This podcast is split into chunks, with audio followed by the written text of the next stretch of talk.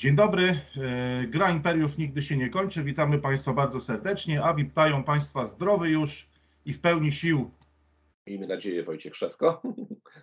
I e, Radosław Pyfer. Witamy Państwa bardzo serdecznie. Gra Imperiów nigdy się nie kończy.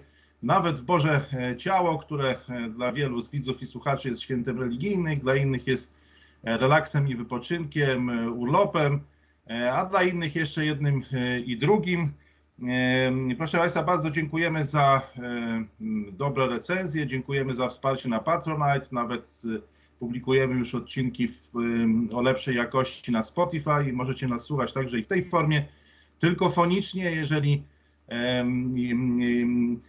jeżeli ten charakterystyczne, gadające głowy Wam się nie podobają i wolicie tylko dźwięk, a ponieważ gra Imperiów się nie kończy, no to mamy kolejne e, tematy.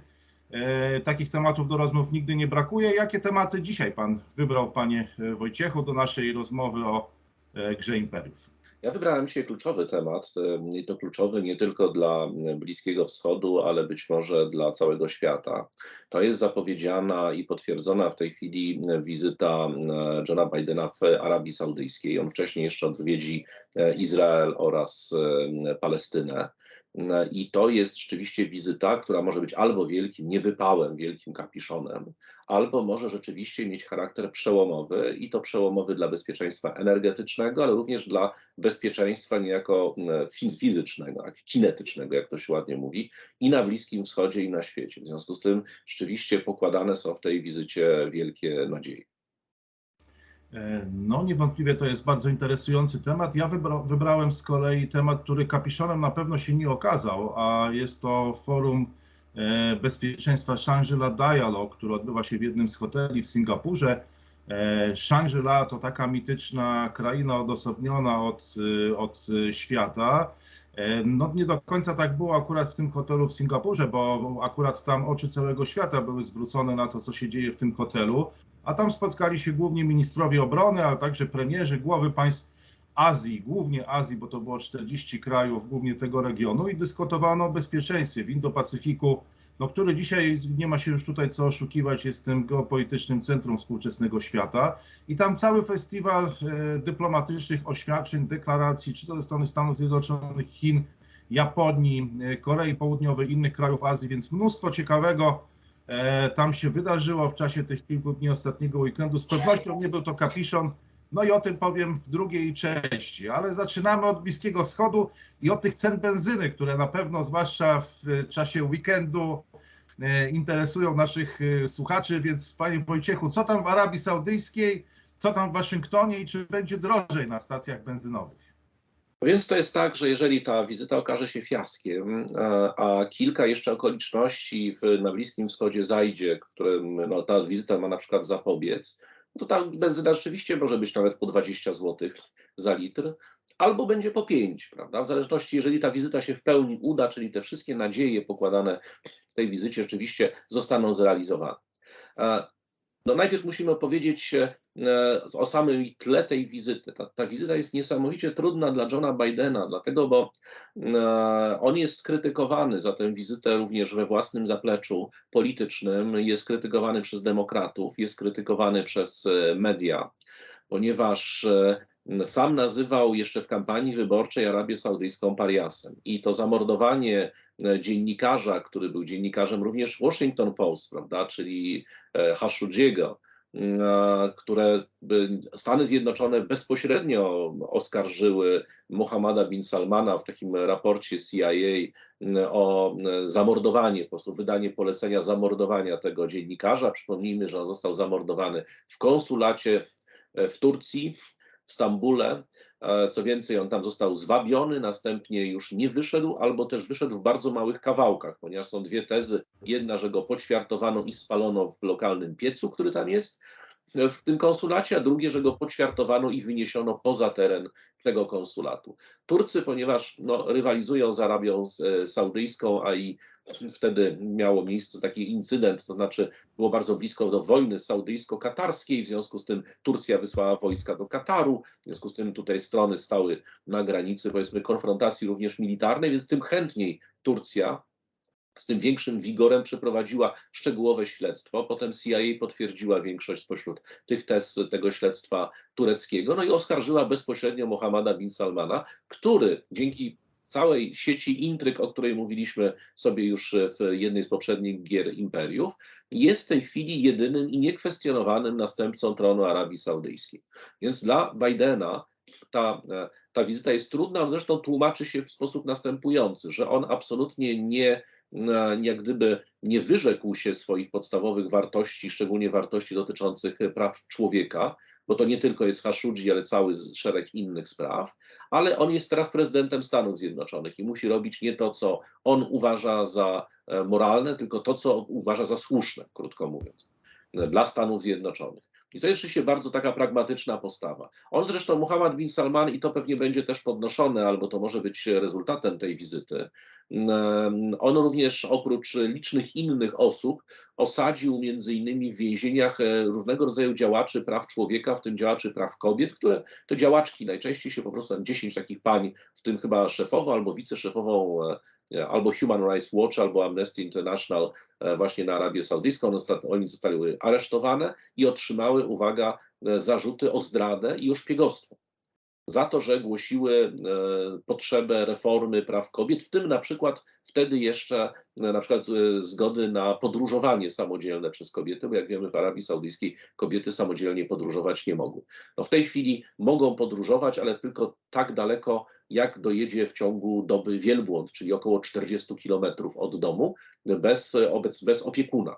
Czyli na przykład to wprowadzono w Arabii Saudyjskiej prawo do jeżdżenia przez nie samochodami, czy prowadzenia samochodów, ale znowu nie mogą odjechać od tego domu i tak dalej. Także takich oczywiście rzeczy e, związanych, wynikających z szaria w Arabii Saudyjskiej jest wiele. To było kontestowane przez działaczy praw człowieka. Oni są poaresztowani, siedzą w więzieniach, cała ich e, wielka liczba. Co więcej, część z nich, nawet jeżeli została zwolniona, to ma zakaz opuszczania Arabii Saudyjskiej, gdzie rodziny są najczęściej w Kanadzie, w Stanach Zjednoczonych, oni by chcieli wyjechać, więc tego typu kwestie, te, tego typu kwestie, one nie są nieistotne dla amerykańskiej opinii publicznej, a już szczególnie no, nie są nieistotne dla lewicy amerykańskiej, która popiera Bidena. Więc Biden jedzie tam, dlatego zaznaczam, w dużej mierze trochę wbrew swojemu swojemu, wbrew swojemu zapleczu. No ale powiedział, że tutaj interes, racja stanu wymaga tego, żeby on po prostu tam pojechał, co nie zmienia jego jakby generalnej opinii o tym, czym jest Arabia Saudyjska, czym nie jest. Z drugiej strony wskazuje się, czyli to całe zaplecze bajdenowskie, ono teraz podróżowało wcześniej do, i do Zjednoczonych Emiratów Arabskich i do, i do Arabii Saudyjskiej. No podkreśla się, że jest to jednak sojusznik od 80 lat e, i jest to sojusznik e, którego łączą ze Stanami Zjednoczonymi bardzo istotne interesy. No to jest nie tylko energetyka, ale przede wszystkim interes bezpieczeństwa. I teraz chciałem opowiedzieć, co ma być załatwione albo co może być załatwione. Przy czym pamiętajmy, to jest chcieństwo, tak? Znaczy takie tematy mają być poruszone i takie tematy mają, być może dojdzie do przełomu w ich, w ich rozwiązaniu. Jest tak, pierwsza sprawa to jest, zacznijmy od takiej może chyba najmniej istotnej dla nas, to jest e, kwestia tak zwanego Abraham Accord, prawda, czyli akordu Abrahama, czy układu Abrahama, czyli kwestii ewentualnego przystąpienia Arabii Saudyjskiej do normalizacji stosunków z Izraelem.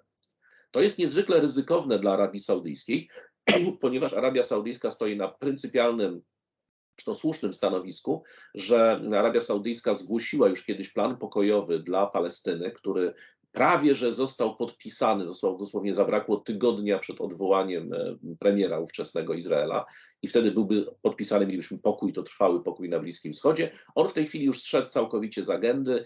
E, Izrael nie dopuszcza już praktycznie e, rozwiązania dwupaństwowego, to ma być jedno państwo, z czego Palestyńczycy mają być z niego wyrugowani w sposób formalny, fizyczny, najlepiej zmuszeni do emigracji, wybici, no nie wiem, te, tych pomysłów na prawicy izraelskiej jest dużo. Znaczy, generalnie różnice w tej chwili pomiędzy lewicą i prawicą jest e, w kwestii palestyńskiej są nie, nie, nie, niezauważalne. To jest, e, jak to ktoś właśnie mówił ładnie, że to jest różnica między Nike Adidas albo Pepsi i Cola, prawda? Więc generalnie jest, jest to różnica pomiędzy wymordowaniem w świetle kamer albo wyrugowaniem i wyrzuceniem e, po cichu.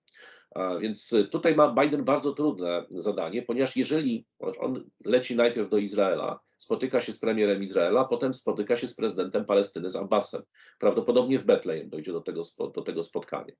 I on musi no, przede wszystkim przekonać, przekonać rząd izraelski, który notabene prawdopodobnie, to jest ciekawostka, nie dotrwa do tej wizyty, ponieważ już w tej chwili nie ma większości w parlamencie, utracił właśnie kilka dni temu większość. W związku z tym jest, ma w tej chwili 59 e, posłów Knesetu, którzy są przynajmniej formalnie jeszcze popierają ten rząd, a na 120-osobowym parlamencie, ale, opo ale opozycja ma 54 głosy, reszta jest nie wiadomo czym w tej chwili. Są tacy, którzy wyszli z rządu na przykład, ale nie będą przeciwko niemu głosowali, no bo pewnie nie zostaną znowu wybrani, więc to jest taki, no ale to jest to kolejny głęboki kryzys parlamentarno-polityczny w Izraelu. On musi przekonać ten rząd, po pierwsze do tego, żeby jednak zasiadł znowu do rozmów e, z Palestyńczykami, co oczywiście Netanyahu i prawica e, okrzykną zdradą interesów Izraela, tak jak zresztą część rządzącej właśnie partii Naftalego właśnie Beneta, które, która, e, czy Jaminy, które, którzy opuszczają partię, bo twierdzą, że on właśnie zdradził interes Izraela, że, że nie, nie, nie buduje izraelskiego ducha i tak dalej. Powiemy króciutko o co chodzi. E, więc musi jego przekonać, musi przekonać prezydenta Abbasa, że po raz kolejny zapewnienia amerykańskie o tym, że popierają dwa państwa. No Abbas mu odpowie w bardzo prosty sposób. Popieracie, ale nic nie robicie w kwestii nieustannego, nielegalnych przecież i to nielegalnych uznanych i przez Radę Bezpieczeństwa ONZ, przez Unię Europejską, przez Stany Zjednoczone, w retoryce przynajmniej, nielegalnego osadnictwa. Co to znaczy nielegalne osadnictwo? To znaczy, w dużym skrócie, no, ludzie przyjeżdżają, izraelskie buldożery, mówią, że ta wioska, drodzy Palestyńczycy, jest naszą ziemią, tu będzie stało osiedle, rozwalamy tę wioskę, jak będziecie protestować, armia was zastrzeli, wynocha. A gdzie? A to wasza sprawa, tak? W związku z tym i przed Sądem Najwyższym, to możecie Państwo o tym przeczytać, jak to się odbywa. Jest taki ośrodek badania e, praw człowieka B'Tselem, on się nazywa e, i po angielsku bardzo dużo publikuje. To jest taki, który właśnie bardzo często przed Sądem Najwyższym Izraela występuje w tych sprawach. Tam można sobie poczytać sentencje wyroków, jakie są. No w każdym razie Abbas powie, że to, co proponują Stany Zjednoczone, to pięknie brzmi. Prezydent Trump w ogóle proponował likwidację państwowości palestyńskiej i tak naprawdę przekształcenie tych terytoriów w rezerwaty nawet gorzej zarządzane niż te indiańskie, prawda, w Stanach Zjednoczonych, oczywiście w dawniejszych czasach. Więc to jest rzeczywiście coś, co, był, co jest nie do przyjęcia przez Palestyńczyków, ale jeżeli jest nie do przyjęcia przez Palestyńczyków, to Arabia Saudyjska która pryncypialnie stoi na stanowisku, że dwa państwa, że niepodległa Palestyna ze stolicą w Jerozolimie, wycofanie wojsk izraelskich czy Izraela do granic 67 roku, to są w ogóle warunki zawarcia pokoju na Bliskim Wschodzie. Czyli jeżeli Bidenowi nie uda się nic zrobić, ja jestem tutaj bardzo sceptyczny przy cokolwiek, to znaczy, że Arabia Saudyjska nie przystąpi do Abraham Accord, czyli nie uzna Izraela, bo gdyby uznała, to musi liczyć się z rewolucją na swoim własnym terytorium. Zresztą te państwa, które uznały, no Zjednoczone Emiraty Arabskie akurat nie mają tego problemu, ale Arabia Saudyjska, przecież tam są wahabici, tam są ekstremiści, tam są również e, bardzo, bardzo silny żywioł antysaudyjski wewnątrz, a przeciwko domowi Saudów w samej Arabii Saudyjskiej i takie powstania i rewolucje już się zdarzały i mo może takie kolejne wybuchnąć po prostu i to może jak gdyby poparcie dla Izraela może zagrozić bytowi, bytowi samej dynastii Saudów. Panie Wojciechu, to znaczy powiem tak po poznańsku, bo sprawa jest skomplikowana, ale to oznacza, że jednak chyba 20 zł ta benzyna, bo po pierwsze y, Biden nie ma z kim rozmawiać, nie wiadomo czy w ogóle będzie miał z kim rozmawiać. Poza tym niezależnie od tego, czy z kimś jednak porozmawia, no to wszyscy i tak, tak jak Pepsi i Cola właściwie myślą podobnie i myślą tak samo a to oznacza, że pewnie też nie przekona Saudyjczyków, a to z kolei oznacza, że no nie będzie ta benzyna po 5 zł ani po 8, tylko pewnie, no mówiąc tu po poznańsku, to co z tego będziemy mieli, to pewnie 9, 10, a może więcej e, za litr benzyny na stacjach znaczy, benzyny. akurat ta kwestia jest, jak ja powiedziałem, trochę oboczna. Ona jest bardzo istotna dla Bliskiego Wschodu, ale dla cen benzyny akurat jest mniej istotna. Natomiast no, to jest jeden z podstawowych punktów, ponieważ on się wiąże z całą architekturą bezpieczeństwa. Powiedzmy sobie dlaczego. Dlatego, ponieważ e, mm, w tej chwili jednocześnie trwają z różnym skutkiem i z różnym i w różnych e, odsłonach kolejnych, czyli takie w jednym tygodniu mówi się o tym, że jest znakomicie, w drugim, że rozmowy praktycznie zostały zerwane, pomiędzy e, Stanami Zjednoczonymi tak naprawdę, bo wszystkie inne kraje to jest, są oboczne w tej kwestii, i Iranem w sprawie tak zwanego dealu atomowego. Okazało się, że Iran, który no, od dawna to Trump zerwał ten deal atomowy, więc to jego jak gdyby polityka jest tutaj e, przed, jak gdyby powodem tego gigantycznego kryzysu, który w tej chwili mamy, ponieważ Iran w międzyczasie zainstalował kilka instalacji do uzdatniania uranu i praktycznie w tej chwili prawdopodobnie już dysponuje odpowiednią ilością, żeby budować własne bomby atomowe. Jeżeli Iran będzie dysponował, znaczy technologie na pewno mają, jeśli chodzi o technologie rakietowe, to mają je dużo, dużo lepsze niż, niż my i pewnie dużo państw Europy Zachodniej. Zresztą udowodnili to kilka razy, rzeczywiście te rakiety mają dobre, dalekiego zasięgu, wyjątkowo skuteczne. W związku z tym, w takiej sytuacji Izrael, jeżeli się okaże i jego wywiad pokaże, że E, że jest to bardzo bliskie, prawdopodobnie zdecyduje się na atak na Iran niezależnie od Stanów Zjednoczonych. Ponieważ zdaje sobie e, sprawę, że celem numer jeden będzie Izrael, e, tak tego typu ataku atomowego irańskiego. I atak prewencyjny. Tak, więc taki atak sobie prewencyjny właśnie wykona Izrael. Tyle tylko, że odwet, co już zapowiedziano bardzo wyraźnie w, w Iranie, E, dosięgnie nie tylko terytorium Izraela, ale również dosięgnie terytorium Arabii Saudyjskiej, a na pewno bazy amerykańskie w Arabii Saudyjskiej, bazy amerykańskie w Zatoce, bazy amerykańskie na terytorium Iraku, co już raz e, Iran udowodnił, że potrafi taką bazę wyjątkowo precyzyjnie, jak pamiętamy po zabójstwie Sulejmaniego, zbombardować. I wtedy, tak jak gdyby ta cała sytuacja z takiej dosyć łagodnej, w tej chwili zamienia nam się na totalną wojnę, której jedno, jeden skutek jest pewny. To znaczy blokada całkowita cieśniny Ormus i wtedy ta ropa będzie po 20, 30, nie wiadomo ile, no bo nie będzie można eksportować ropy z Arabii Saudyjskiej, ani ze Zjednoczonych Emiratów, ani z Iraku, ponieważ nie ma praktycznie, za wyjątkiem tego Erbil Seyhan e, rurociągu, nie ma rurociągów tam na Bliskim Wschodzie. Gdyby zbudowano takie, to byłoby super, ale takich nie ma. W związku z tym cieśnina Ormus jest tym kluczowym punktem, przez który przepływa większość eksportu ropy naftowej, co przy embargu nałożonym na Rosję. Ale no to, to pewnie mamy, cieszy się. To mamy po prostu samochody jeżdżące na powietrze, wodę albo coś takiego, ale na pewno nie na ropę naftową. Więc to jest bardzo. Ale teraz muszę zapytać, pewnie pozostaniemy na Bliskim Wschodzie, ale muszę zapytać, bo z tego pewnie cieszy się Wenezuela i to już widać e, jej ożywioną aktywność w ostatnich tygodniach, no i cieszy się Rosja, no bo skądś nawet ta ropa za 20-30 zł będzie musiała się pojawiać na tych stacjach benzynowych. No ale mamy embargo. W związku z tym nie Stany Zjednoczone nie będą chciały rezygnować z tej polityki, nie zgodzą się na zajęcie Ukrainy w zamian za. No właśnie, więc to jest dlatego ta misja jest tak ważna, ponieważ musi przekonać Izrael, że nie powinno być wojny, musi przekonać również, i to jest dosyć istotna rzecz, bo e, tak naprawdę podstawowym celem ataku irańskiego, zresztą ataków, które już się odbywały, będzie oczywiście oprócz Izraela, będzie, nawet jeżeli no nie, nie, nie, dojdzie do ataku atomowego, prawda, bo Iran jednak musi przeprowadzić próby z bronią atomową, to nie jest tak, że sobie ją zbuduje, wyśle i zobaczymy, co będzie.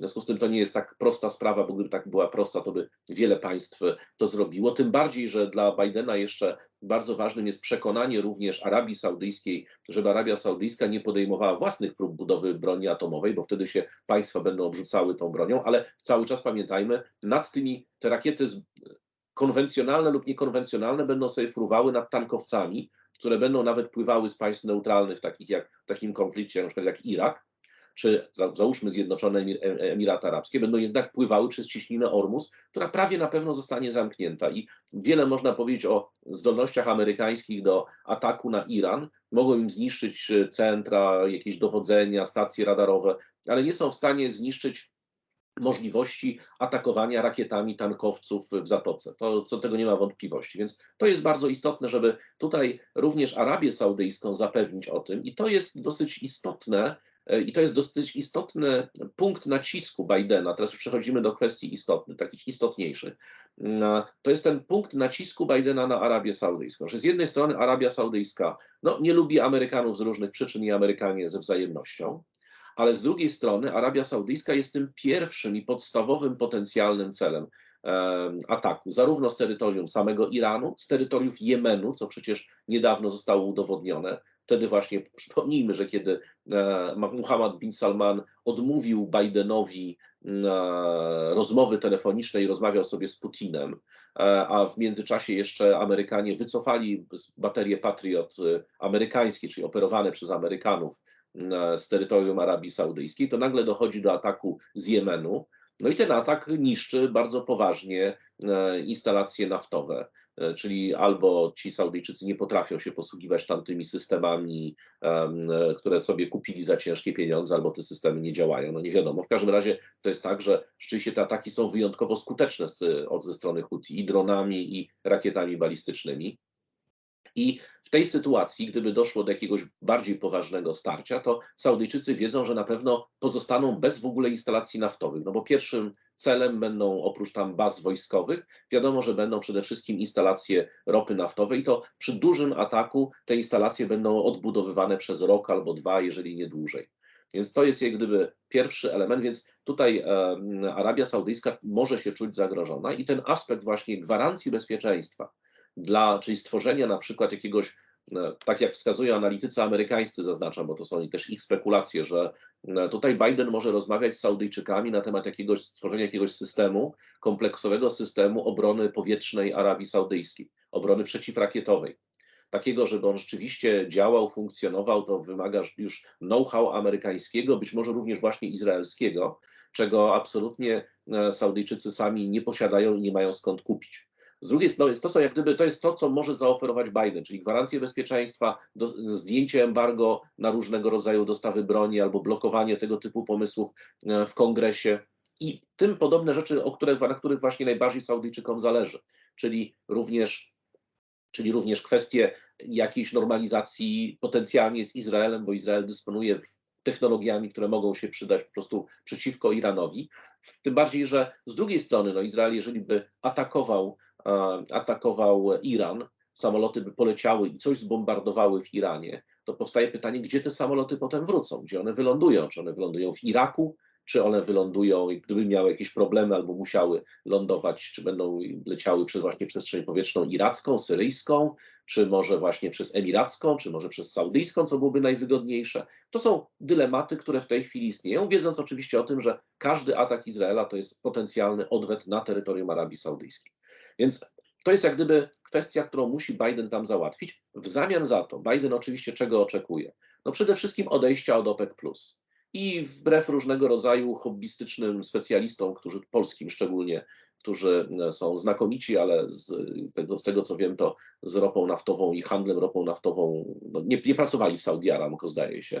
Więc krótko mówiąc, no, analitycy, którzy mają może mniejsze zadęcie, ale większe doświadczenie, bo są e, czy Amerykanami, czy Saudyjczykami, wskazują na to, że jednym z celów e, Bidena jest doprowadzenie do sytuacji zmniejszenia cen ropy w dwóch aspektach. Pierwszy aspekt to jest to, żeby zasadniczo zmniejszyć zyski Rosji, które, jak twierdzą ci analitycy, Rosja zarabia w tej chwili dzięki wzrostowi cen ropy i to za, dużo zarabia. Tym bardziej, że też w niektórych kontraktach gazowych, zdaje się, ma podpisane klauzule uzależniające cenę gazu od ceny, ceny ropy.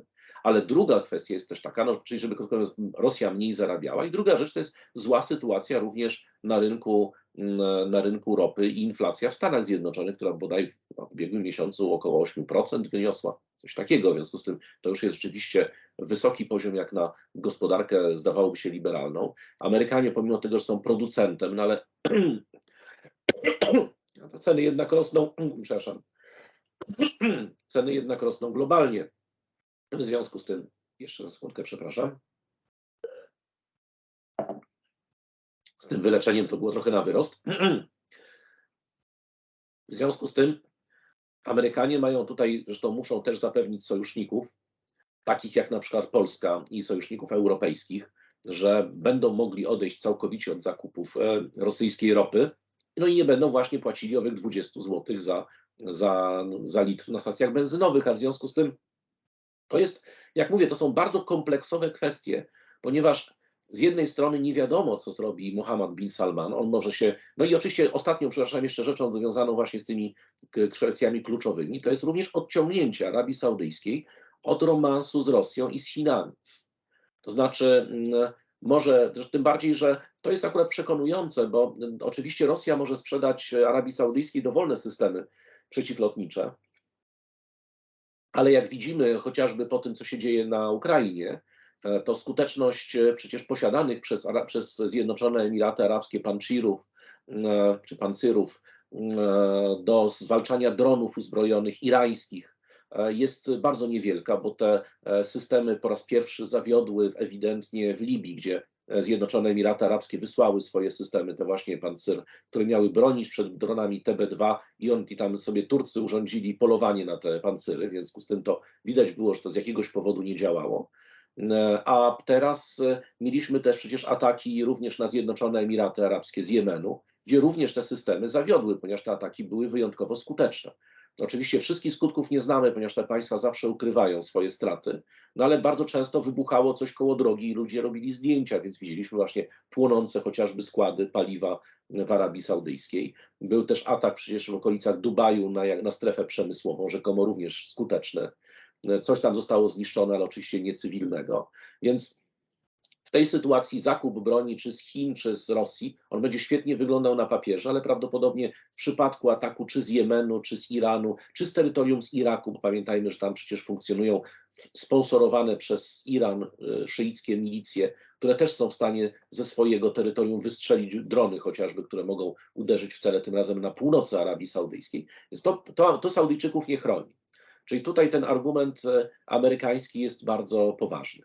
No i mamy oczywiście jeszcze, jeszcze kwestię, którą musi próbować załatwić Biden, jednocześnie jednak nie, no, nie rozsierdzając swoich e, jednak e, humorzastych bardzo, jak wiemy, e, interlokutorów. To jest kwestia praw człowieka, bo Biden nie może, nie może tego zupełnie pominąć, bo jego własne zaplecze go zaraz zniesie z powierzchni ziemi, ponieważ i tak go już krytykuje za sam fakt odbycia tych rozmów. Więc coś musi powiedzieć. No na przykład były szef wywiadu saudyjskiego kilka dni temu wypowiadał się, że przecież Stany Zjednoczone e, też nie powinny krytykować Arabii Saudyjskiej. On tak ładnie użył takiego określenia, że jak ktoś mieszka w domu ze szkła, to nie powinien w kogoś, nie powinien rzucać kamieniami. Ponieważ przypomniał Guantanamo, przypomniał e, sprawę e, Abu Ghraib, prawda, i i tego więzienia, prawda, i tortur stosowanych przez Amerykanów, i jeszcze tam tajnych więzień CIA i jeszcze kilku innych rzeczy, mówiąc, że to są poważne naruszenia praw człowieka. I ciekawe, dlaczego Amerykanie tym się nie zajmują, zajmują się Arabią Saudyjską. Więc widać, że ten tutaj przyjaznej atmosfery e, ze strony zwolenników Mohammada bin Salmana wokół tej e, wizyty specjalnie nie ma. Więc to jest bardzo ciężki orzech do zgryzienia. No musi zapobiec wojnie, czyli musi zapobiec wojnie pomiędzy Izraelem i Iranem, musi doprowadzić, czy powinien doprowadzić do zbliżenia saudyjsko-izraelskiego, ale to jest uwarunkowane tylko i wyłącznie tą kwestią palestyńską, która jest pewnie nierozwiązywalna, musi zapewnić Arabię Saudyjską, że w przypadku, i to będzie deal coś za coś, że jeżeli odejdzie od e, ustaleń OPEC, bo tutaj saudyjski głos jest jednak najistotniejszy, i zmniejszy, zdecyduje się na zwiększenie produkcji ropy naftowej w sposób znaczący tym razem, to dostanie rzeczywiście wszystkie te rzeczy, które uda się, które uda się dostarczyć do nich, które obronią ich przed Iranem. Tyle tylko, że znowu Biden musi wytłumaczyć Saudyjczykom, co nie jest proste, że wybór jest w tej chwili, jeżeli chodzi o kwestię irańską, pomiędzy dwoma, no, no, znaczy dwoma wyjściami, które nie są wyjściami dobrymi. Pierwsze wyjście niedobre jest takie, że zrywamy e, rozmowy, czyli sankcje pozostają takie, jakie są, może nawet będą mocniejsze. W rezultacie tego za powiedzmy 3-4 miesiące, może, może pół roku mamy, czy w ciągu tego czasu mamy już pierwszą próbę nuklearną irańską i w przyszłym roku praktycznie Iran ma już jakąś przynajmniej jedną, dwie rakiety, jedna wycelowana w Tel Awiw, druga wycelowana w Riyad. Tak? Więc to jest jedna możliwość. Druga możliwość jest taka, że zostanie zawarty ten deal atomowy, ale rezultatem tego dealu atomowego jest to, że Iran po pierwsze, no, załóżmy nawet, że podda się rzeczywiście kontroli, zlikwiduje te swoje zasoby czy zdolności w tej chwili do e, przynajmniej te, które uda się znaleźć oczywiście, do produkcji wzbogaconego uranu, ale w zamian za to jego gwardia strażników rewolucji dostanie ogromny przypływ gotówki i będzie mogła napędzać wojnę w Jemenie, Więc tutaj Biden ma również doprowadzić do pokoju w Jemenie. No przypomnijmy, wojna w Jemenie przypomina, jest dużo bardziej okrutna niż wojna na Ukrainie. To jest przez od, od wielu lat, prawda, od już siedmiu lat Saudyjczycy, Emiratczycy codziennie bombardują Sanę na przykład, stolicę Jemenu ponieważ no tam nie ma dziennikarzy, więc jakby nikt o tym nie pamięta, no ale jest to wojna, która właśnie, to jest jeden właśnie z kwestii dotyczących praw człowieka, gdzie lewica amerykańska mówi, że absolutnie nie możemy dostarczać Saudyjczykom broni, bo oni tę broń, która miała być do obrony przed Iranem, oni wykorzystują do bombardowania Jemeńczyków. Więc też musi rozmawiać o, o perspektywach zawarcia pokoju e, w Jemenie co jest znowu kolejnym konfliktem, który jest niesamowicie trudny do rozwiązania. Musielibyśmy o nim mówić z godzinę, żeby w ogóle nakreślić te główne fronty, bo one niestety nie są proste, są mocno skomplikowane. Więc tego się nie da rozwiązać w ciągu jednego dnia. No ale jeżeli to nie zostanie rozwiązane albo nie będzie tego perspektywy, to zawarcie dealu z Iranem może doprowadzić do tego, że e, zarówno w Iraku, jak i w Libanie, jak i w Syrii, jak i w Jemenie Iran się po prostu zaktywizuje, bo będzie mógł finansować swoją politykę zagraniczną aktywną, polegającą na budowie tam swoich stref wpływów, czyli dofinansować na przykład Liban, który jest na granicy permanentnego bankructwa, pomóc Hezbollahowi w ten sposób, żeby ten Hezbollah był jak gdyby tym dobrym wujkiem finansującym upadłe państwo. Ma, będzie mógł pomóc w Jemenie, żeby Huti wygrali tę wojnę przeciwko Arabii Saudyjskiej i Zjednoczonym Emiratom Arabskim. Będzie mógł pomóc e, e, pro E, proirańskim milicjom i siłom politycznym w Iraku e, odzyskać pozycję, chociaż to jest akurat niespecjalnie chyba możliwe, ponieważ tam rząd dusz zdobywa jednak szyicki, jakby nie było polityk, prawda, czyli e, Bin Sadr, prawda, który jest szyicki, ale antyirański, więc to jest więc to jest jak gdyby problem dla, samej, dla samego Iranu, więc ten, ten podział sunnicko-szyicki nie karmi do końca E, samego Iranu, no ale te milicje dostaną istotne znowu wsparcie, będą mogły dostawać wsparcie finansowe, e, militarne i tak dalej. Tak jak to obserwowaliśmy po tym dealu e, atomowym pierwszym, który zawierał jeszcze, jeszcze Obama. Więc tutaj mamy taką układankę. Więc proszę zobaczyć, że on tam leci, w sumie będzie prawdopodobnie 24 godziny w Arabii Saudyjskiej, a cele potencjalne do załatwienia są niezwykle ambitne. I teraz, jeżeli poniesie całkowitą klęskę, to znaczy po prostu Saudyjczycy odeślą go par excellence na najbliższą palmę. Plus do tego jeszcze nie przekona Izraela co do kwestii ewentualnego ataku prewencyjnego na Iran, to możemy w pewnym momencie mieć tam rzeczywiście poważną wojnę na Bliskim Wschodzie w perspektywie roku najbliższego.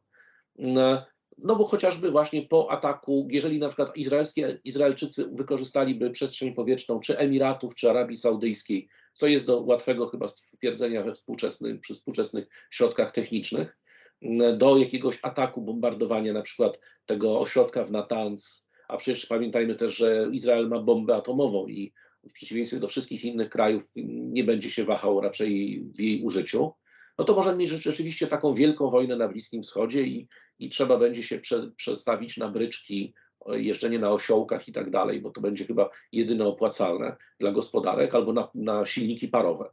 Natomiast jeżeli uda mu się cokolwiek z tego załatwić, to minimum to jest utrzymanie status quo, czyli nic się nie zmieni i mamy, nie mamy perspektywy pogorszenia tej sytuacji. To tak w skrócie.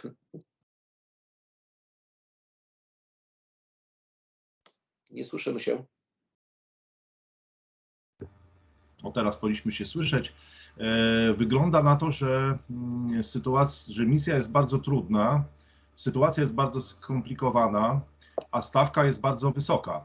E, I co w takim razie, e, jeżeli Joe Bidenowi się nie uda? Tutaj opisał Pan to jakby z perspektywy regionalnej te scenariusze, czy możliwe sytuacji, ale czy jest jakaś w ogóle jeszcze czy jest jakaś szansa i nadzieja na to, jeżeli spojrzymy globalnie na, na sprawę, że uda się e, no, ten kryzys zażegnać jeszcze w jakiś inny sposób? No bo jednak potrzebujemy Bliskiego Wschodu. Jeśli nie będzie, jeśli ten region zostanie zdestabilizowany teraz w ten sposób jakimś konfliktem Iranu z Izraelem i z Arabią Saudyjską, e, no to czy damy radę zdywersyfikować te dostawy ropy z innych krajów? Nie wiem, czy z Wenezueli, czy, czy jest w ogóle jakieś wyjście z tej sytuacji, jeżeli, jeżeli ta misja Bidena zawiedzie i jeżeli to się nie uda na Bliskim Wschodzie?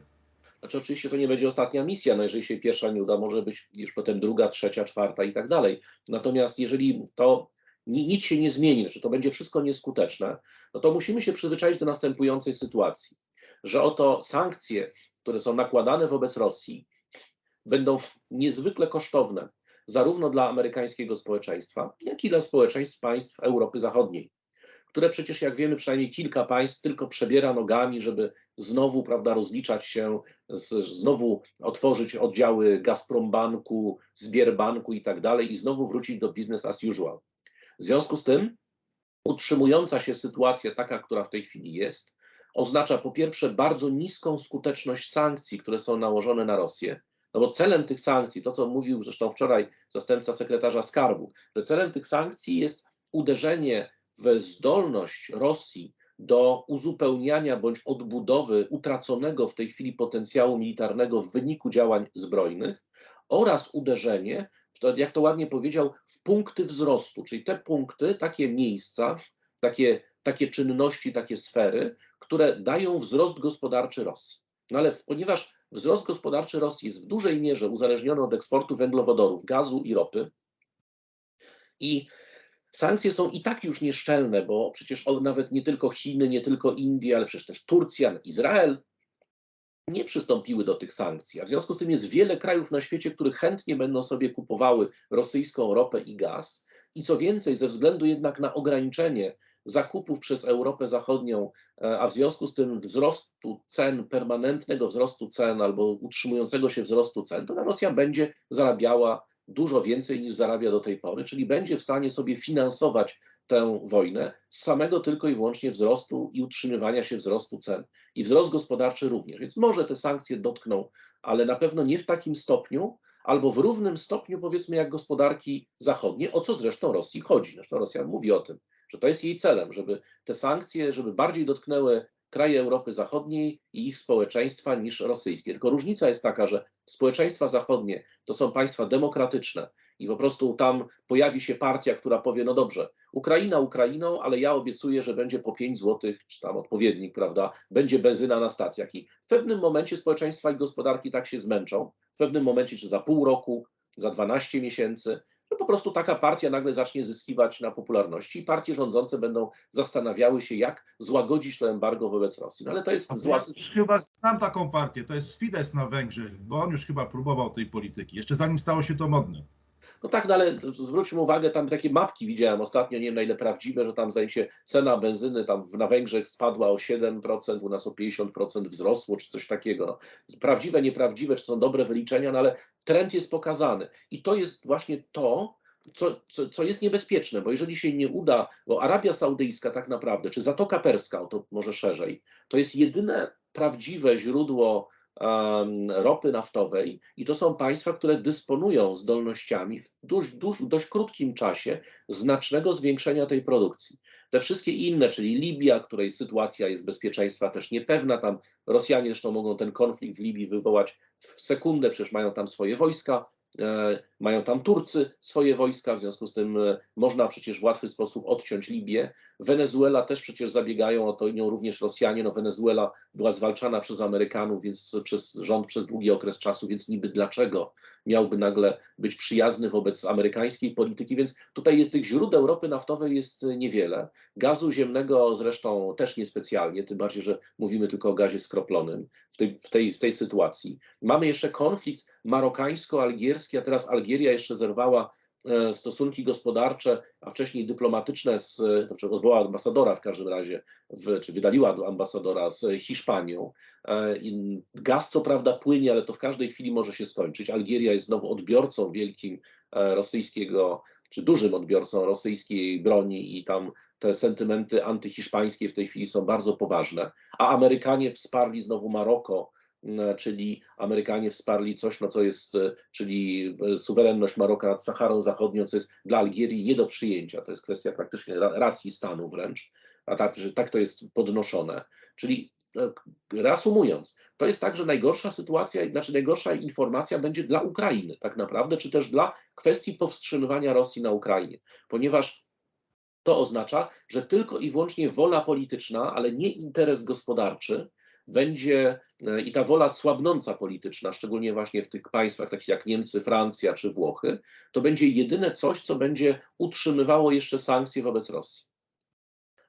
Więc albo dojdzie do potężnych nacisków na Ukrainę, żeby zawarła jakiś pokój, albo po prostu wstrzymają przynajmniej te państwa dostawy broni. No akurat Niemcy to chyba nie wiem, czy coś dostarczyli w ogóle poza tymi e, niedziałającymi rzekomo Stingerami, przynajmniej według niemieckiej prasy. No ale tak czy inaczej.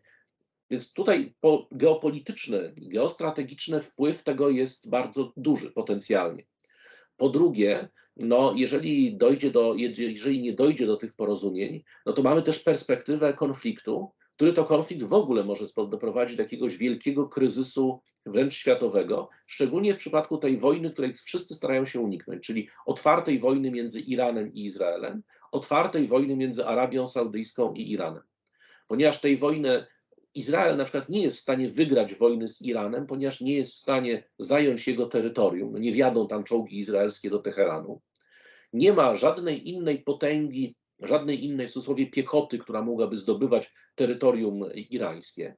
Iran natomiast dysponuje dostatecznym potencjałem rakietowym, żeby zająć e, irańską obronę przeciwlotniczą na długie miesiące i, czy, i też jest możliwe wyczerpanie jej zdolności, bo atak jednocześnie z gazy, atak ze strony Hezbollahu, rakiety balistyczne wystrzelone z e, terytorium Syrii, Iraku czy samego Iranu, no to jest coś, taka bateria przeciwlotnicza jednak no, ileś czasu trwa ładowanie, ileś czasu trwa e, uzupełnianie zapasów. Rzekomo było tak, że po tym ostatnim konflikcie, przecież nie specjalnie wielkim e, z gazą, czyli z e, Hamasem w gazie, Amerykanie musieli dosyłać okrętami rakiety do Izraela, ponieważ Izraelowi wyczerpały się rakiety do żelaznej kopuły.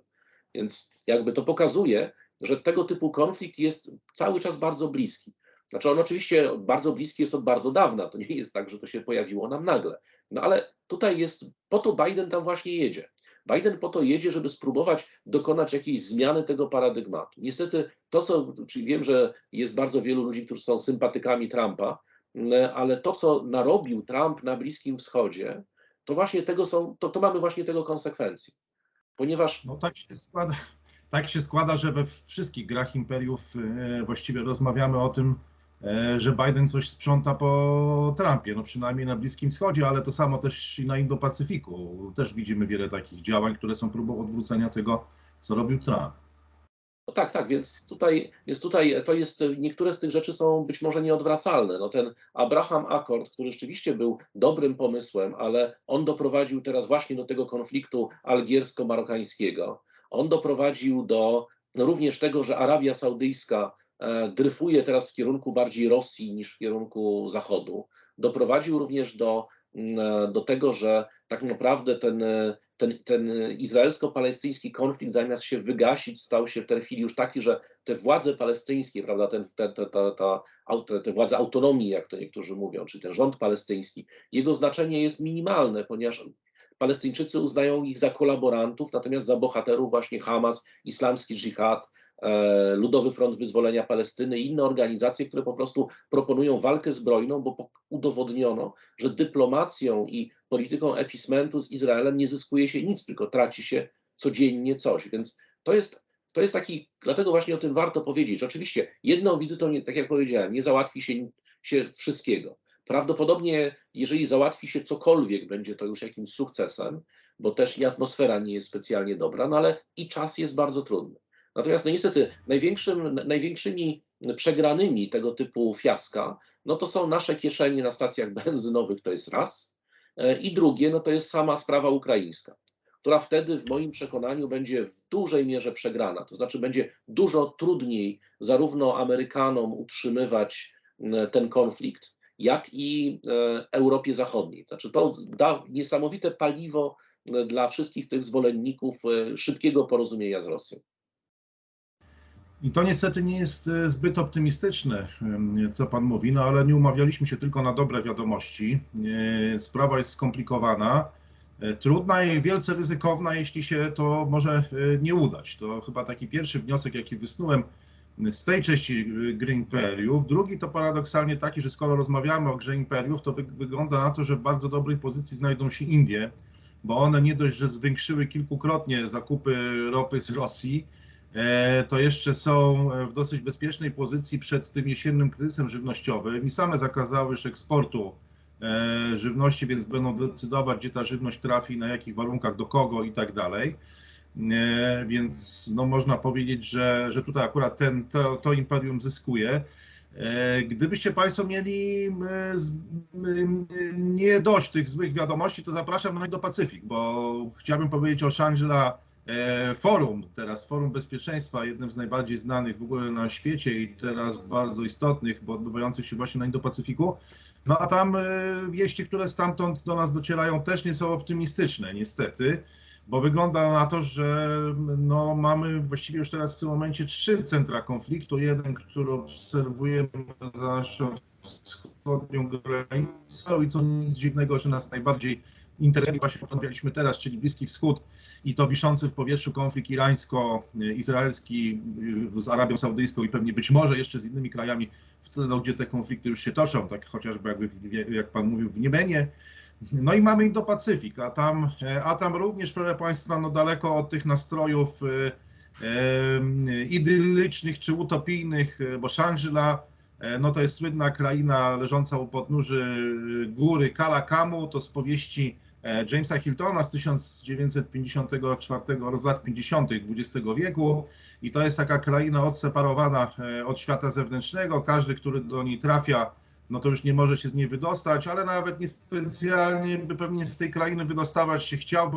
bo, bo, bo wszyscy są tam właściwie nieśmiertelni, wiecznie zdrowi, a w, no, do tego świata zewnętrznego udają się tylko po to, żeby uzyskać tam jakiś niezbędny, to nie wiem, co by jeszcze było, pewnie jakieś laptopy z internetem, e, no ale w każdym razie, e, w każdym razie nikt nie ma potrzeby tej idyllicznej e, krainy opuszczać. No ale to, co obserwujemy na Indo-Pacyfiku, to jest chyba jednak zaprzeczenie tego, tego czym Shangri-La była, bo, bo zaczęło się oczywiście e, od e, takiego, można powiedzieć, optymistycznego stwierdzenia, że powracamy do rozmów po dwóch latach przerwy spowodowanych COVID-em, żeby, że będziemy teraz rozmawiać.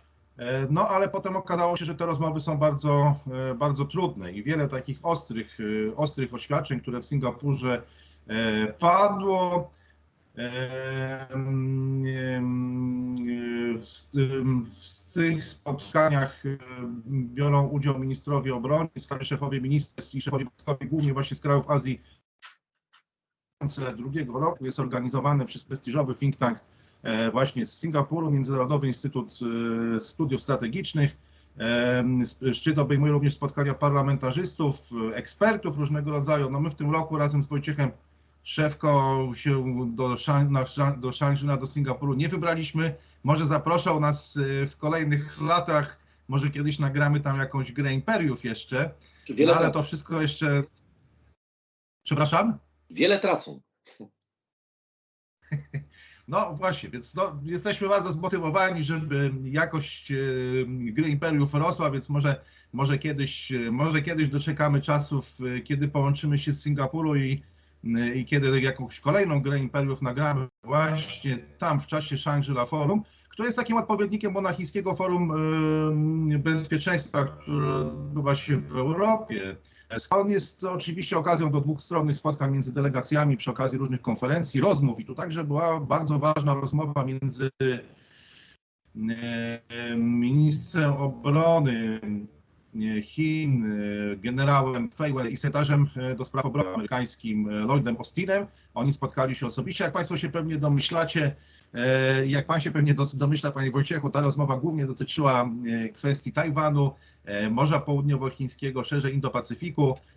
Wszyscy zgadzali się ze sobą i będzie dalej tak, jak jest, jak w słynnej piosence, chociaż tutaj nawet się nie zgadzali ze sobą, tylko mówili wprost, czym się różnią. No, zgadzali się co do tego, że, że mają różne stanowiska.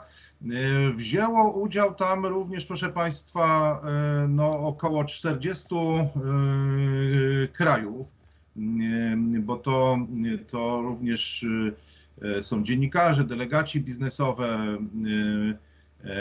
Spotkanie ma pielęgnować poczucie wspólnoty wśród największych decydentów społeczności obronnej i bezpieczeństwa w regionie. I tam wzięło udział 40 krajów, ale nikt chyba z Polski, mimo że jesteśmy no, chyba dzisiaj ważnym krajem, a przynajmniej tak nam się wydaje w kwestii bezpieczeństwa, bo toczy się wojna właściwie u bram, u naszych bram, jesteśmy no, jakby też polem oddziaływania tej wojny, ale nie słyszałem, żeby ktoś brał udział z Polski w tym forum. Australia, Brunei, Kambodża, Kanada, tutaj wypisałem sobie listę i przytoczę Państwu, żebyśmy mieli wyobrażenie, kto w tym forum brał udział. Australia, Brunei, Kambodża, Kanada, Chile, e, Chiny, Francja. Co ciekawe, to jest bliski nam kraj, kraj europejski. Niemcy, no nasz sąsiad zachodni, również wziął udział w tej konferencji. E, przedstawiciele Niemiec, Indie, Indonezja, e, Japonia, Korea Południowa, tu niespodzianki nie ma, Laos, Malezja, Mongolia, Myanmar, no tu pewna niespodzianka jednak jest, bo kraj ten bywa izolowany ze względu na ten pucz wojskowy w tym kraju ale w szczycie przedstawiciele Mianmańczycy często dyskutujemy Filipiny, Rosja, co ciekawe, również Rosja, tutaj nie została ona jakby zbojkotowana, została dopuszczona do, do tych rozmów, Sri Lanka, Szwecja, Szwecja to jest ciekawe, no, kraj oferujący wiele różnego rodzaju projektów pomocowych, też aktywny międzynarodowo w krajach globalnego południa, może to było też tutaj przyczyną Tajlandia, Timor Wschodni, Ukraina i tu było wystąpienie plenarne prezydenta Zełęskiego, o którym jeszcze wspomnę, Wielka Brytania, oczywiście Stany Zjednoczone i Wietnam. No więc mamy taki, taki e, skład, poza Singapurem oczywiście. No właśnie, proszę Państwa, więc e, główne tematy to nikogo tutaj nie zaskoczymy, to była wojna w Ukrainie i napięte stosunki Chin ze Stanami Zjednoczonymi. O tym właśnie dyskutowało tych 575 e, delegatów, wśród których najważniejsi no to byli chiński minister obrony Wei Fenghe, amerykański sekretarz obrony Lloyd Austin, premier Japonii Fumio Kishida, który wygłosił ciekawe, e, ciekawe przemówienie, o którym wspomniał Władimir Zełenski, oczywiście też i minister Korei Południowej, więc mieliśmy do czynienia z wieloma oświadczeniami. No jaki z tego wynika e, wniosek, proszę Państwa? No, jeden pozytywny, drugi negatywny. Pozytywny to taki, że jednak w Azji jeszcze wciąż się dyskutuje, że jeszcze wciąż e, e, środków dyplomatycznych. I sytuacja być może nie jest tak skomplikowana na Bliskim Wschodzie, na którym już jakby wygląda na to, że możliwości dyplomatyczne zdają się wyczerpywać. E, natomiast zły symptom jest taki, e, że e, przede wszystkim Chiny i USA nie zgadzają się ze sobą. Czy zgadzają się tylko w tym, że się ze sobą nie zgadzają i żaden kraj jakby nie chce dostosować się do drugiego. Uważa, że ten drugi jest zagrożeniem dla stabilności, dla bezpieczeństwa regionalnego i globalnego. To o to oskarżają zresztą już od wielu lat Amerykanie Chińczyków. I Chińczycy zresztą już też od wielu lat odpowiadają, że, że to Stany Zjednoczone są największym zagrożeniem dla bezpieczeństwa regionalnego i pokojowego. I właściwie nie wiadomo, co z tym fantem zrobić. E, nie przybiera do takich emocjonalnych form, może dlatego, że dyskutowali sekretarze obrony i ministrowie obrony narodowej, nie przybiera to takiej gwałtownej formy jak na Alasce swego czasu, kiedy to w hotelu e, dyplomaci amerykańscy i chińscy przekrzykiwali się i wygrażali sobie wręcz w czasie tych, tych, tych rozmów. No ale sytuacja nie jest, e, nie jest wesoła, więc ta atmosfera wynikająca jakby z nazwy i z tego całego kontekstu tej idylicznej e, krainy tej nazwy tego hotelu e, i tego forum szybko się skończyła, także ten moment rozluźnienia, że oto po dwóch latach wreszcie możemy się spotkać. Chociaż i tak wszyscy, proszę Państwa, co mnie zawsze dziwi, prezentują się na tych oficjalnych spotkaniach w maseczkach, tam jakby COVID Azji się jeszcze nie, nie skończył. Mamy wiele takich oznak, które pokazują, że do całej sprawy podchodzi się jeszcze bardzo poważnie. To trochę chyba inaczej niż w Polsce, gdzie mam wrażenie, że oficjalnie nie ogłoszono końca pandemii, ale nieoficjalnie jakby chyba ono już nastąpiło, przynajmniej w naszym odczuciu. No ale wracając do tego, o czym, o czym mówiono, bo to była głównie Ukraina, ale też i Indo-Pacyfik, no to, tutaj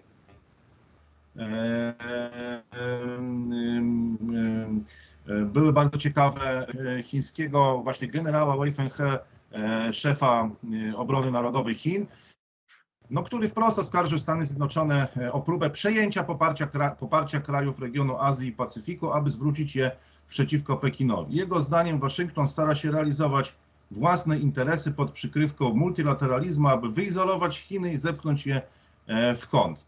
E, no, oczywiście e, Stany Zjednoczone odpowiedziały symetrycznie, czyli, czyli no, powiedziały, że to Chiny są największym źródłem destabilizacji, zagrożenia w regionie, że powodują obawy sąsiadów. Przede wszystkim, no tutaj kwestia też jakby wyspy, na co znowu Chiny zareagowały e, agresywną taką wypowiedzią, czy znaczy może nie agresywną, ale bardzo mocno. No na tyle w kanonach dyplomacji na tyle stanowczo, na ile to możliwe i ostrzegły Stany Zjednoczone, że każda próba uniezależnienia Tajwanu od kontynentu wywoła e, działania militarne e, Chin. Chiny będą walczyć do samego końca, aby zapobiec niepodległości E, niepodległości wyspy potępił także, nie czy myśmy o tym wspominali na jednej z gry imperiów, ale nowy kontrakt dolarów dla, dla Tajwanu ze strony właśnie Stanów Zjednoczonych. E, no oczywiście Amerykanie nazwali chińską działalność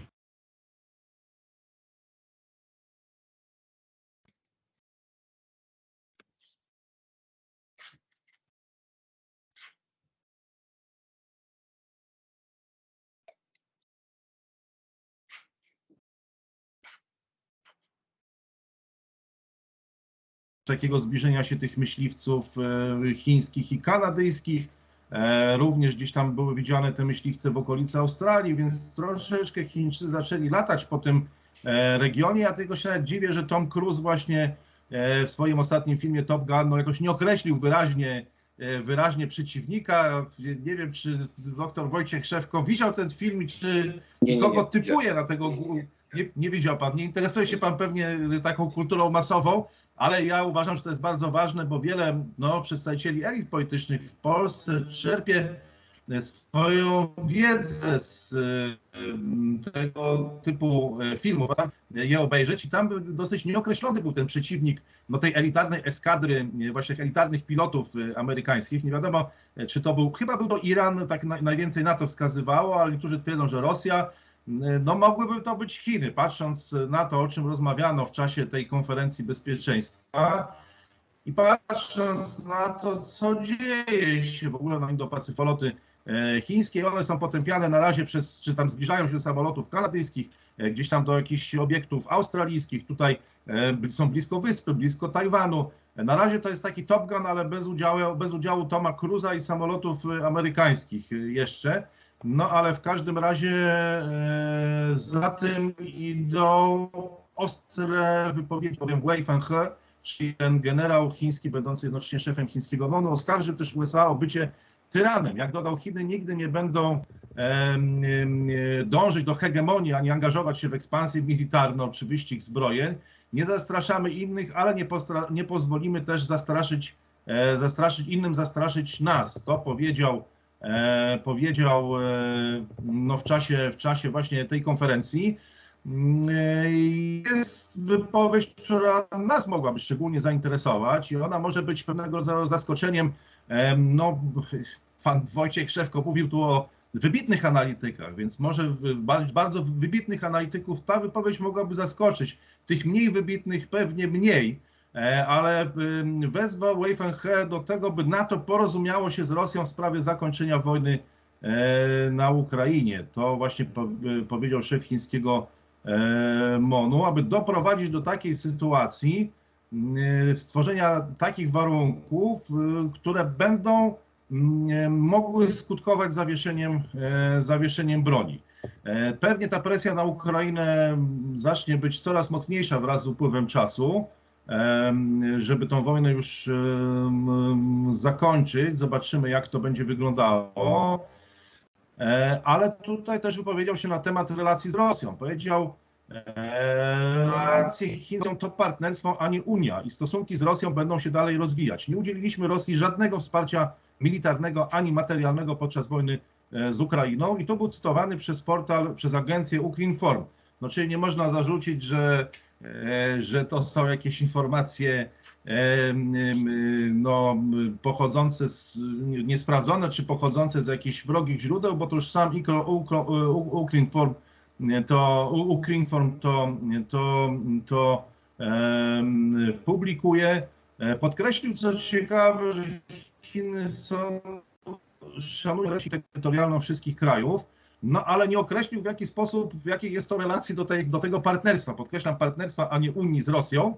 Mm, e, I, e, I co z tego e, będzie wynikać, poza wzywaniem do zawieszenia broni i do przywrócenia dialogu i środków dyplomatycznych, które, jak widzimy, są stosowane w regionie Azji i Pacyfiku wciąż, a w, już niekoniecznie i być może za chwilę na Bliskim Wschodzie również niekoniecznie. Sekretarz obrony USA, wspomniany Lloyd Austin, zapewnił o amerykańskim poparciu dla Tajwanu. E, I no, oczywiście mówił o stałym e, wzroście prowokacyjnej i destabilizującej aktywności wojskowej w pobliżu e, wyspy, w tym prawie codzienne loty wojskowe Chińskiej Republiki Ludowej. Ubolewał nad tym, że nasza polityka się nie zmieniła, ale to nie wydaje się niestety być prawdą w przypadku HRL, czyli mamy do czynienia z takim właśnie dyplomatycznym ping-pongiem. Co ciekawe, jeden z posłów na Sejm RP ostatnio też mi mówił o tym, że on był informowany o tym, że otrzymał dokumenty takie, które pokazywały wyraźnie od strony tajwańskiej, że pokazywały wyraźnie, e, jak bardzo wzrosła liczba tych samolotów, które tam e, naruszają, e, naruszają tą przestrzeń, przestrzeń powietrzną. No więc wesoło i stabilnie nie jest, ale cały czas jest to jednak jakoś zamknięte w, w tą formę rozmów dyplomatycznych między dwoma mocarstwami i to chyba jest dobry, e, dobry prognostyk, aczkolwiek no, zagrożeń jest e, wiele dla, dla zachowania jakby stabilności, bo chociażby sam Tajwan staje przed bardzo istotnym dylematem, e, czy będzie próbował zachować status quo, no jakby nie podnosząc kwestii Tajwanu, czy nie umiędzynarodowiając kwestii Tajwanu, czy właśnie być może elity rządzące wyspą uznają, że teraz jest na to najlepsza okazja, żeby umiędzynarodowiać sprawę Tajwanu. A jeśli będą umiędzynarodowiać sprawę Tajwanu, no to jakby będzie dochodzić do eskalacji i wtedy nie wiadomo, co wydarzy się na Indo-Pacyfiku. Nie wiem właściwie, no, jaką państwo podjęlibyście decyzję i czy, czy pan chciałby też na przykład o tym decydować, jaką decyzję by pan podjął, gdyby był pan elitą rządzącą wyspą, czy właśnie teraz eskalować, próbować iść e, no, na ostro, żeby troszkę jakby wyjść z tej izolacji międzynarodowej, którą wyspę wepchnął, e, czy może właśnie próbować jakoś się przemknąć przez ten, e, przez ten e, okres no, no, nie, tych wielkich, wielkich napięć, jakie się pojawiają. No to bardzo ciekawe było świadczenia również innych krajów, bo mamy, mieliśmy bardzo ciekawe przemówienie premiera Japonii Fumio Kishidy, E, który mówił o wzmocnieniu swojej roli w regionie Azji w zakresie właśnie dyplomatycznym i bezpieczeństwa. E, I co ciekawe, on znowu zaczyna od Rosji. Rosję wymienia jako główne źródło destabilizacji. Dopiero potem wskazuje na Chiny i co ciekawe również Koreę, e, Koreę Północną. To jest taki stały element jego, jego przemówień. Mówił, że Japonia powinna uzyskać zdolność do wyprzedzającego uderzenia w odpowiedzi na coraz bardziej asertywną politykę Chin, właśnie Korei Północnej i wspomnianej Rosji. No i coraz więcej krajów właściwie też zapytałem się o ten Izrael, czy to ma być uderzenie prewencyjne, uderzenie wyprzedzające, bo niestety rośnie liczba krajów, która mówi o takim uderzeniu e, wyprzedzającym czy prewencyjnym. To nie, nie wychodzimy z własnego, z, włas, z połowy własnego boiska, tylko że że jakby w, w, przenosimy to na sam początek i tutaj zaczyna głośno o tym mówić e, Japonia, nawet właśnie na tym forum bezpieczeństwa Shangri-La Dialog w Singapurze. E, I co ciekawe, Japonia pracuje o wiosny przyszłego roku wolny i otwarty indo-pacyficzny plan na rzecz pokoju, w którym zapewni pomoc rozwojową, łodzie patrolowe, zdolności egzekwowania prawa morskiego i inno rodzaju pomoc dla krajów Azji Południowo-Wschodniej i Pacyfiku, gdzie Chiny próbują zwiększyć swoje wpływy, czyli będzie próba Chin właśnie tego typu, e, tego typu działaniami, nie tylko dyplomatycznymi, czy nie tylko militarnymi, ale, ale również tego typu dyplomacją, można powiedzieć, rozwojową,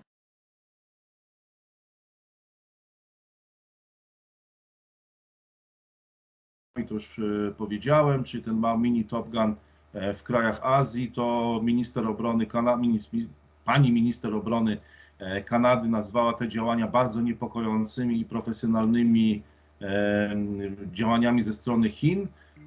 Anita Anand właśnie w rozmowie z, w rozmowie z Wei Fenghe mieliśmy, co ciekawe, co ciekawe, mm, ogłoszenie ugody, jaką Australijczycy zawarli z Francuzami, z francuską grupą marynarki wojennej, jako rekompensatę za zerwanie kontraktu na okręty podwodne.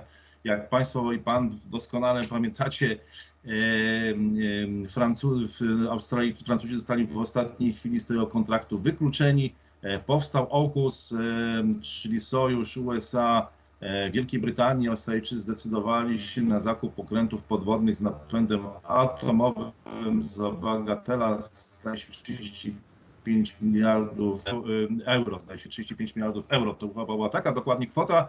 I teraz ta rekompensata dla Francuzów ma wynosić 555 milionów euro, no więc e, znacznie mniej niż, niż ten kontrakt, no ale tak, tak na osłodę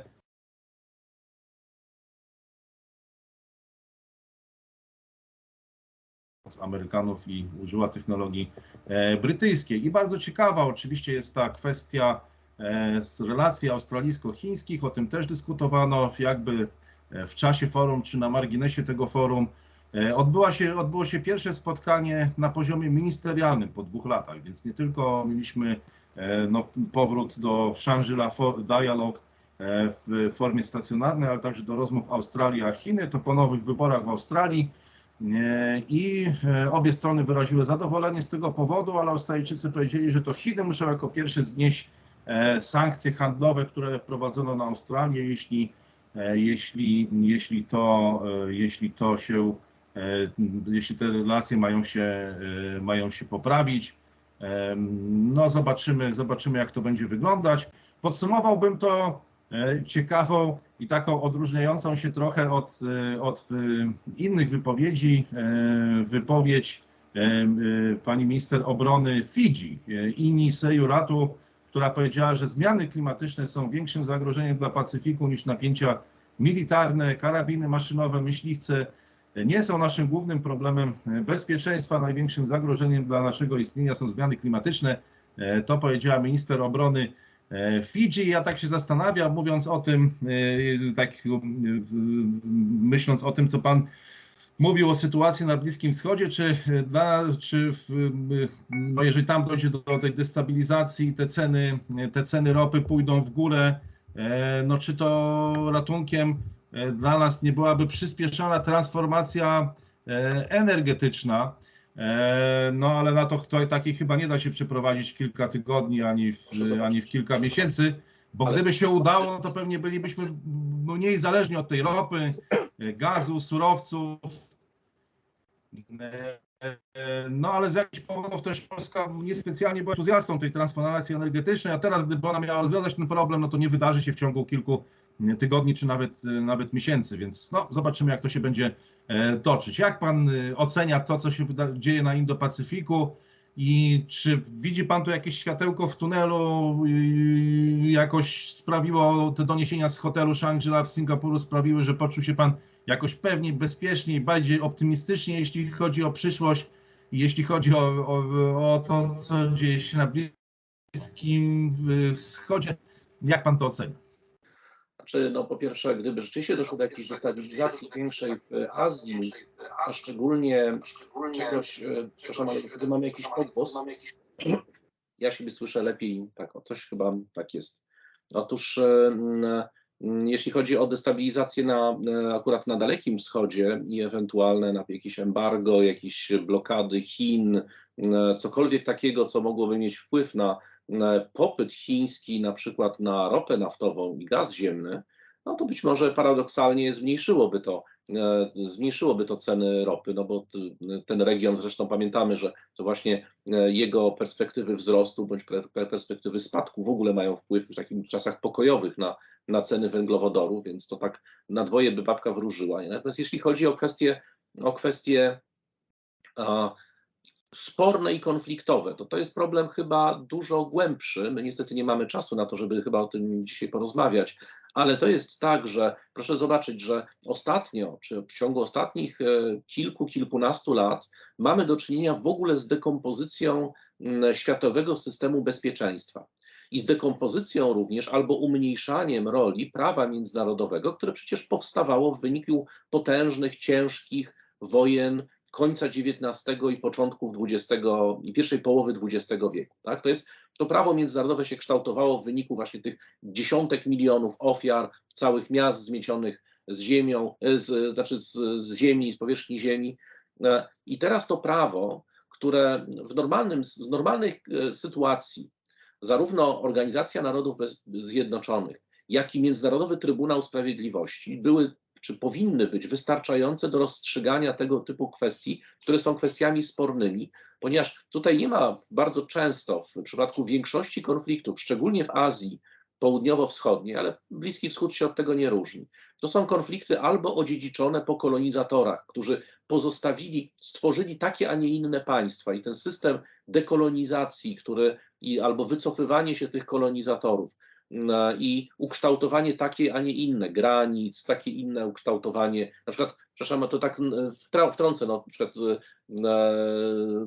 kwestie chińsko-indyjskiej granicy są rozstrzygane na podstawie jakichś traktatów zawieranych na wołowej skórze pomiędzy jakimś dowódcą, dowódcą brytyjskiej 15-osobowej grupy żołnierzy, a jakimś lokalnym plemieniem. Trochę żartuję oczywiście, ale to jest mniej więcej ten poziom, czyli to po prostu nie, nieustalenie tych granic kiedyś, pozostawienie status quo w momencie wycofywania się kolonizatorów, wtedy, kiedy jeszcze bardzo często z obu stron granicy on dysponował jak gdyby możliwością wpływu, zamiast delimitować i ustanowić te granice, pozostawiał je, a w związku z tym pozostawiał, zresztą celowo najczęściej, tlący się konflikt, który będzie tli się nam albo rozpala przez dziesięciolecia. W związku z tym tutaj mamy więc taką sytuację, w takiej sytuacji no, teoretycznie uprawniony jest Międzynarodowy Trybunał Sprawiedliwości, przed którym państwa powinny przedstawić swoje racje, dokumentację, jego wyrok powinien zostać zaakceptowany. Tyle tylko, że ostatnio okazuje się, że dużo łatwiej jest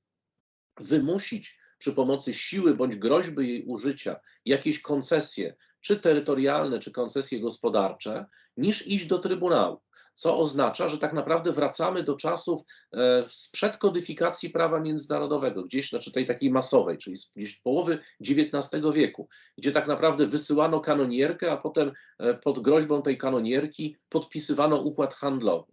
I tak niestety zaczyna wyglądać świat w tej chwili, ponieważ kwestia, e, oczywiście kwestia Tajwanu jest trudna do rozstrzygnięcia. Ciekaw jestem tak prawdę powiedziawszy, e, co uznałby Międzynarodowy Trybunał Sprawiedliwości w tej kwestii. No bo to, że znaczy nie mam wątpliwości, że uznałby Tajwan za terytorium Chin, prawda, bo tutaj nie byłoby chyba podstawy do jakiejś secesji czy do uznawania tego bytu za państwo niepodległe. To jest chyba jedna kwestia. Natomiast wszystkie inne spory, na przykład dotyczące też e, delimitacji Morza Południowochińskiego, tego czy te wyspy, które tak naprawdę są zatopionymi atolami, no ale są niby tymi wyspami, których tylko Chińczycy dosypują piachu, a w związku z tym no mówią, ale to jest naturalny twór geologiczny, to nie można tego porównywać, bo w prawie międzynarodowym, znaczy w prawie morza jest to pojęcie sztucznych wysp, ale ono doty miało dotyczyć wtedy latarni morskich, prawda, jakichś falochronów, tego typu rzeczy natomiast nie tego, że będą budowane całe, rozbudowane całe atole, czy też będzie się zapobiegało ich e, pogrążaniu się w morzu. No ale tak czy inaczej, to wszystko, wszystkie te kwestie można byłoby rozstrzygać na gruncie prawa międzynarodowego i przed Międzynarodowym Trybunałem Sprawiedliwości. Ewentualnie głosowaniem, w, jeżeli nie w Radzie Bezpieczeństwa, która jest niestety, zresztą wielkie mocarstwa są w tym permanentnym klinczu, ale gdyby zdemokratyzować i powiedzmy wprowadzić jakąś większość kwalifikowaną e, w zgromadzeniu ogólnym, być może to wtedy można byłoby takie spory rozstrzygać. Natomiast my od tego odchodzimy, ponieważ ONZ jest tak naprawdę zablokowana i w zasadzie konsensus mocarstw dotyczy spraw nieważnych, bądź takich, gdzie nie po drodze jest im konflikt obu, obu czy tam wszystkim stronom to wtedy rzeczywiście jeszcze ta skuteczność jakaś była, gdzie ten konflikt był większym problemem niż ewentualnie zyskiem, nawet jeżeli się miało sympatie takie czy antypatie. No ale ten świat się staje coraz bardziej podzielony, coraz bardziej mamy taki właśnie bipolarny podział świata, mamy na ten zachód i wschód no i to oznacza, że niestety znajdujemy się albo przed jakąś głęboką reformą instytucji międzynarodowych, albo będziemy mieli niestety znaczną część spośród tych konfliktów załatwianych tak, jak to właśnie Rosja robi na Ukrainie, czyli przy pomocy siły bądź groźby jej użycia, chociaż teoretycznie, zgodnie z Kartą Narodów Zjednoczonych, żadna koncesja terytorialna, żaden układ, który zostaje zawarty w wyniku użycia siły bądź groźby jej użycia, nie powinien być legalny, w związku z tym nie powinien być stanowić jak gdyby podstawy do uznania na przykład efektywnej okupacji. I bardzo podobnie jest w Azji. I to, że na takim forum państwa ze sobą, dobrze, że jeszcze ze sobą dyskutują, ale no przecież te wypowiedzi również chińskie dotyczące e, suwerenności nad Tajwanem i możliwości aneksji e, Tajwanu, będę nie rozumiem aneksji, no bo jeżeli jest to terytorium chińskie, to po co aneksja, prawda? To jest po prostu przywrócenie ewentualnie suwerenności Chin, prawda, nad zbuntowaną prowincją. Więc też e, chińska dyplomacja już zaczyna używać języka zachodniego bardziej niż swojego tradycyjnego. No ale to są kwestie które nie, które, znaczy to jest czas dlatego bardzo niebezpieczny, ponieważ już to, że można dokonywać zmian granic w Europie, to właśnie obserwujemy w tej chwili na Ukrainie, no ale to jest niestety, zresztą no, akurat to nie Rosja rozpoczęła, bo zdaje się, wskazuje się, że to przede wszystkim akurat my żeśmy rozpoczęli, to znaczy NATO um, odrywając Kosowo, no ale tak czy inaczej, to był jeden niewielki incydent, w tej chwili to już jest na masową skalę. No to pamiętajmy, że nasze granice, wszystkie nasze granice również, no gwarantowane są, krótko mówiąc, przez układy, przez prawo międzynarodowe. E, I, I zresztą większość granic na całym świecie. W związku z tym, im bardziej popularne będzie lekceważenie prawa międzynarodowego i rozstrzyganie konfliktów, nawet niewielkich przy pomocy siły, to tym bardziej wracamy wtedy do no, czasów e, wieku XIX i rzeczywiście czasów wojennych. Więc inwestycje w przemysł zbroi, w akcje przemysłu zbrojeniowego są dobrą inwestycją e, ewidentnie na, na przyszłość. No cóż, rzeczywiście e, nie ma konsensusu co do tego, nie ma konsensusu co do instytucji międzynarodowych, co do układów międzynarodowych. Świat, który znamy, powoli jakby odchodzi do przyszłości, a może już nawet nie powoli, tylko w sposób bardzo dynamiczny.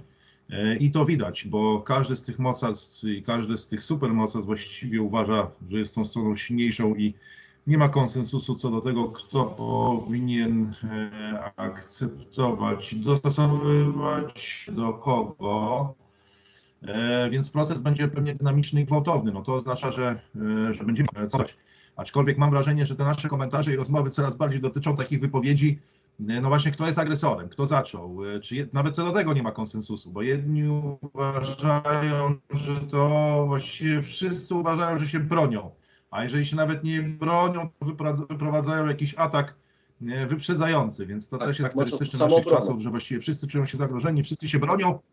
Tak, i w ogóle zaostrza się walka o pokój. To właśnie widzieliśmy też w Singapurze, że e, wszyscy coraz bardziej walczą o pokój i teraz nie wiadomo, czy ten trzeci wierzchołek czy ten e, trzeci filar w ogóle światowego bezpieczeństwa za chwilę się nie zawali, e, bo, bo mamy Europę, gdzie no już trwa to zmienianie granic, o czym Pan powiedział. E, mamy Bliski Wschód, gdzie kolejny konflikt wisi w powietrzu i mamy Indo-Pacyfik, a jeszcze nie wiadomo, co będzie z Afryką, kiedy kryzys żywnościowy zajrzy w oczy jesienią. Także no, liczymy na to, że, że kolejne gry imperiów będą, e, będą tryskały większym optymizmem, a dzisiaj mimo Bożego Ciała no, i w ogóle święta w Polsce jakiegoś może wielu zbyt optymistycznych wiadomości Państwu nie dostarczyliśmy. Mamy świadomość tego, że mieliśmy pewne e, problemy techniczne, E, bo to wynikało one ze, ze słabej jakości połączenia internetowego. E, tak, co jest także niestety przyczyną tego, że mamy, że mamy dzień świąteczny w Polsce. Mam nadzieję, że nam to Państwo wybaczycie. E, no nie wiem, czy ten internet się, się poprawi. Dzisiaj w trochę warunkach polowych nagrywaliśmy grę Imperiów, ale ponieważ gra Imperiów to zależało nam na tym, żeby zachować tą płynność i ciągłość, no i liczymy, że te niedostatki techniczne tym razem Państwo nam wybaczycie. Bardzo dziękujemy za wszystkie ciepłe słowa, e, e, za pozytywne recenzje, za wsparcie e, na Patronite, które przeznaczamy na razie na rozwój e, podcastów na Spotify. Tam się ukazał pierwszy taki lepiej zmontowany odcinek. Nie wiem, w przyszłości może kupimy, kupimy jakiś internet satelitarny, który pozwoli nam nagrywać czy to w Boże Ciało, czy nawet w Boże Narodzenie z super jakością e, techniczną. Przede wszystkim. I tak, i z różnych części świata, gdzie być może będziemy świadkami przełomowych wydarzeń, czy to na Bliskim Wschodzie, czy na Indo-Pacyfiku, czy w Afryce, Ameryce Łacińskiej. Miejmy nadzieję chyba, że jednak mimo wszystko jak najdalej od granic, e, od granic naszego kraju, gdzie dzisiaj możemy e, cieszyć się świątecznym dniem i tego wszystkiego spokoju, świąteczny dzień chcieli Państwu, chcielibyśmy Państwu dzisiaj życzyć, a życzyć tego chcieliby Państwo autorzy Gry Imperiów, czyli Wojciech Szewko i Radosław Pyfel. Kłaniamy się, dziękujemy bardzo. Wszystkiego dobrego i do zobaczenia przy kolejnych okazjach. Gra Imperiów nigdy się nie kończy.